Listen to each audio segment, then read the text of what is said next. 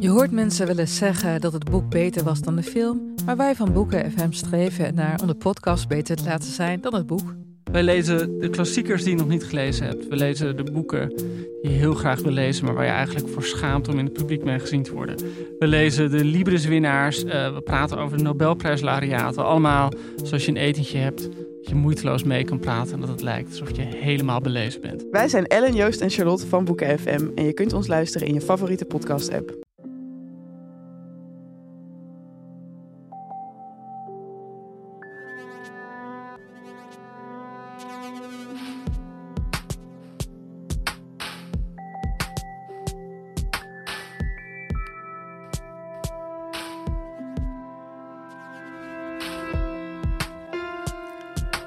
Dit is Relaas en ik ben Pieter. In de Relaas-podcast hoor je waar gebeurde verhalen en die worden verteld door de mensen die ze zelf hebben meegemaakt. En dat kunnen alle mogelijke soorten verhalen zijn, alles wat je maar kunt inbeelden. En de mensen die ze vertellen, dat zijn allemaal verschillende soorten mensen. Rang, stand, kleur, leeftijd, voor ons maakt dat eigenlijk niet uit. Maar dan is het soms moeilijk om te zoeken naar verbinding, want wat verbindt nu al die verhalen die we al hebben gebracht? Is dat relaas zelf?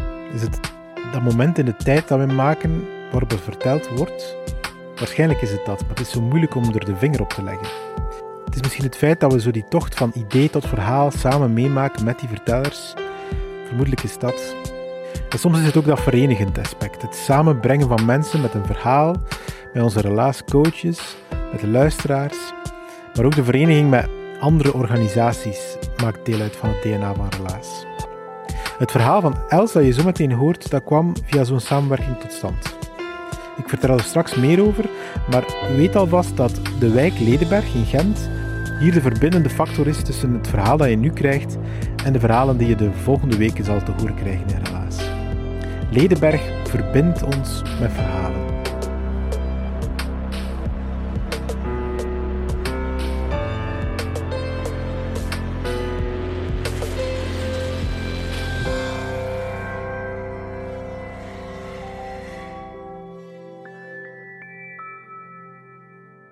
Twintig jaar geleden ongeveer, het was iets minder lang, heb ik um, Jeroen leren kennen. En een tijdje later hebben wij besloten van, ah, we gaan samen wonen. En ik wou heel graag naar Gent gaan wonen, maar Jeroen zijn kinderen waren jonger en gingen in zomergem naar school, dus leek het wel logischer dat we daar in de buurt iets zochten. Nu we hadden ook niet veel geld, dus we zochten een klein huisje, uh, dat een klein huurhuisje eigenlijk. we hadden dat gevonden um, op de berg in Waarschoot. En dat lijkt heel romantisch. Wij wonen op de berg in Waarschoot. Maar dat was eigenlijk een heel saaie straat. En vooral geen berg. Dat was heel plat. Gewoon een platte, saaie straat in Waarschoot. En iedereen zei van, Els, waar gaat jij nu wonen? In Waarschoot. En verlicht dat? En ja, ik wist dat zelf eigenlijk, maar amper waar dat lag, was gewoon gevolgd. En ik dacht, ja, als je elkaar graag ziet, dan kun je overal wonen. Nu, dat huisje, dat was zo een rijhuisje, zo tien dezelfde huisjes naast elkaar. En dan, op het einde van het rijtje, was er zo een dat een servitudewegetje noemen ze dat. En dan kunnen zo langs opzij en dan zo helemaal langs achter, langs al die huisjes gaan. Dan had rechts het huisje en links al de tuinen. Dus wij woonden op dat laatste huisje, dus iedereen passeerde daar ook. Dus iedereen zag ook alles wat, dat wij, wat wij deden. En um, wij wouden dat vooral een beetje gezellig maken. Dus we hadden dat ook zo helemaal oker gekalkt. En we hadden ook, we dachten, ja, we, uh, van die dals op het voetpad eruit en stokrozen en in een tuin zonnebloemen en klaprozen en, en bomen, bomen geplant. Maar die buren die vonden dat precies toch niet zo gezellig. Die begonnen dan te reclameren tegen onze directe gebuur, Etienne. Want dat was zo'n beetje, die speelde zo wat baas over heel het. En um, die kwam daar reclameren van, ja, en al die bloemen en, en we gaan bij wespennisten zitten en, allee, dat is eigenlijk gevaarlijk. En bomen, dat, met al die blaren, we hebben hier juist al die bomen in de straat uitgedaan. En allee, dat is vuiligheid, dat zijn blaren. En er komen vogels in en, en die kakken dan op uw auto. Dat is allemaal vuil. Dat was allemaal vuil wat dat wij deden. Oké, maar we leerden daar toch mee samenwonen met die mensen. Maar dat huisje was ook heel klein. En we hebben samen vijf kinderen. En die moesten ook allemaal in dat klein huisje. We wouden die ook allemaal ontvangen. Dus was een grote tafel, die, die voorste plaats, die stond eigenlijk helemaal vol. En als je naar de wc moest, dan moest je zo dwars langs de tafel voor naar de wc te gaan en zo. Dat was veel te klein eigenlijk. En die kamers waren ook veel te klein. Maar we hadden dan zo een luikje gevonden in ons slaapkamer. En een trap gevonden in het kotje en dat paste ook. En um,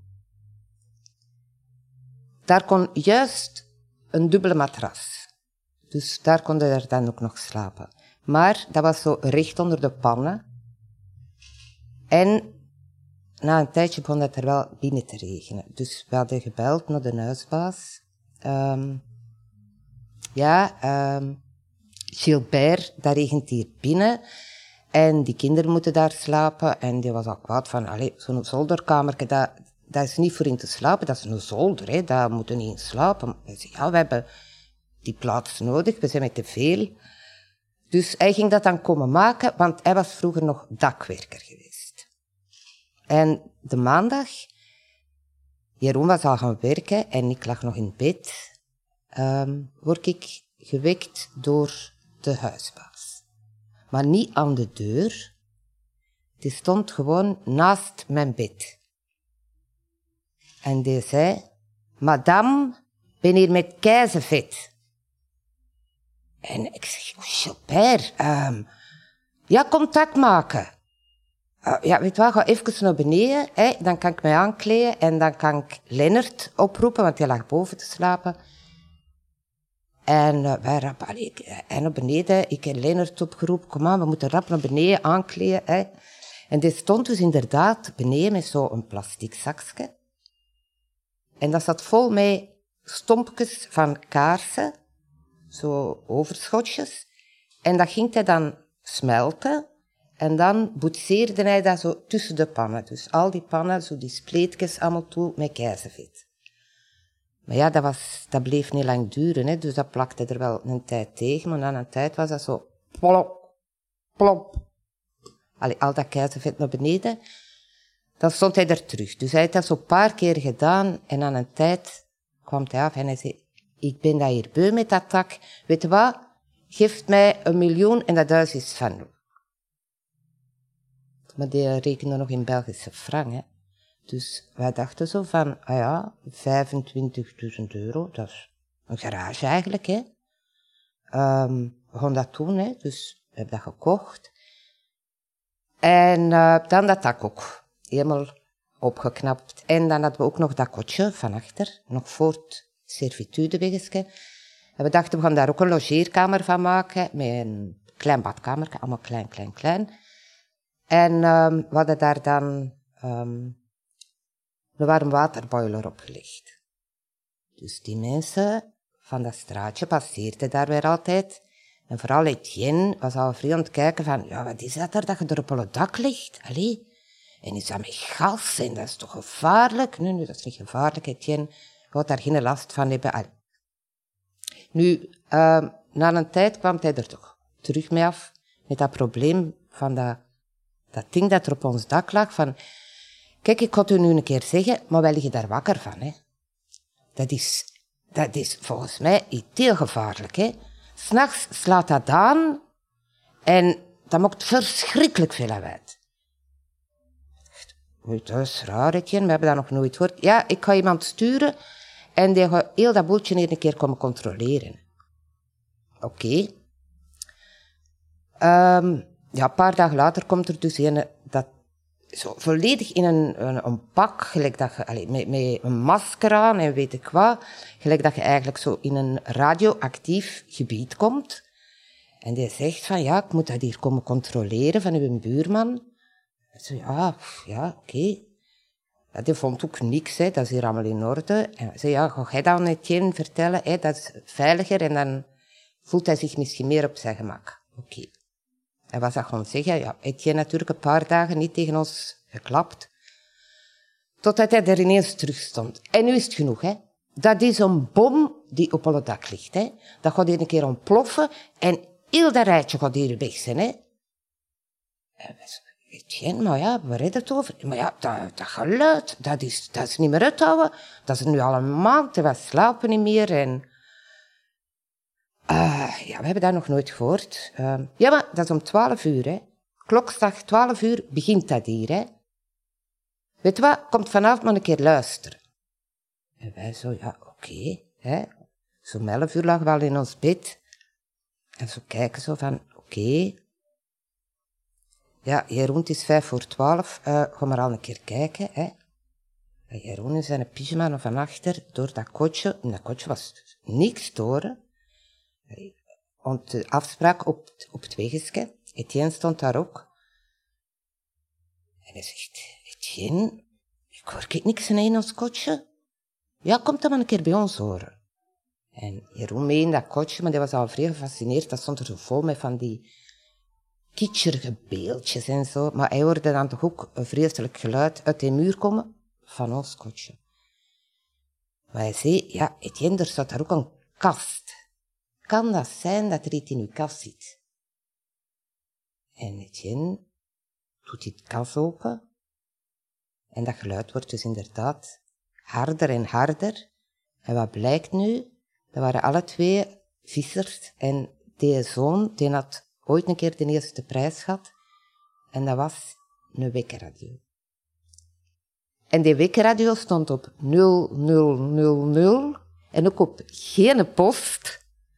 Dus ik weet niet hoe luid, elke nacht die radio af. Dus het was inderdaad wel een radioactief gebied geworden op het einde. Voilà.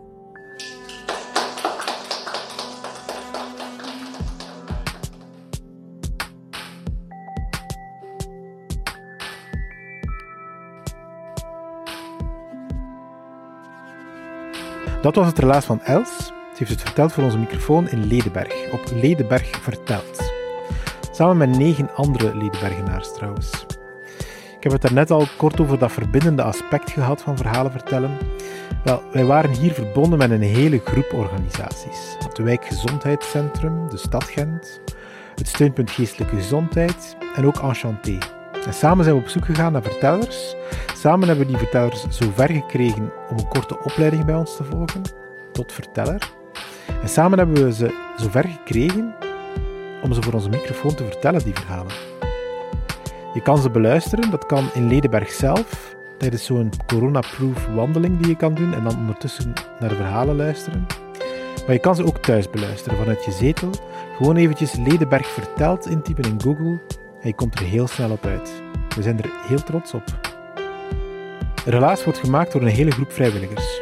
Wij coachen verhalen, we zetten projectjes op zoals dit, we organiseren vertelmomenten en we zoeken altijd verhalen. Dus als jij er een hebt, klaar of gewoon nog maar de kiem van een verhaal, laat het ons dan zeker weten via de website en wij laten jou iets weten als we ermee aan de slag kunnen.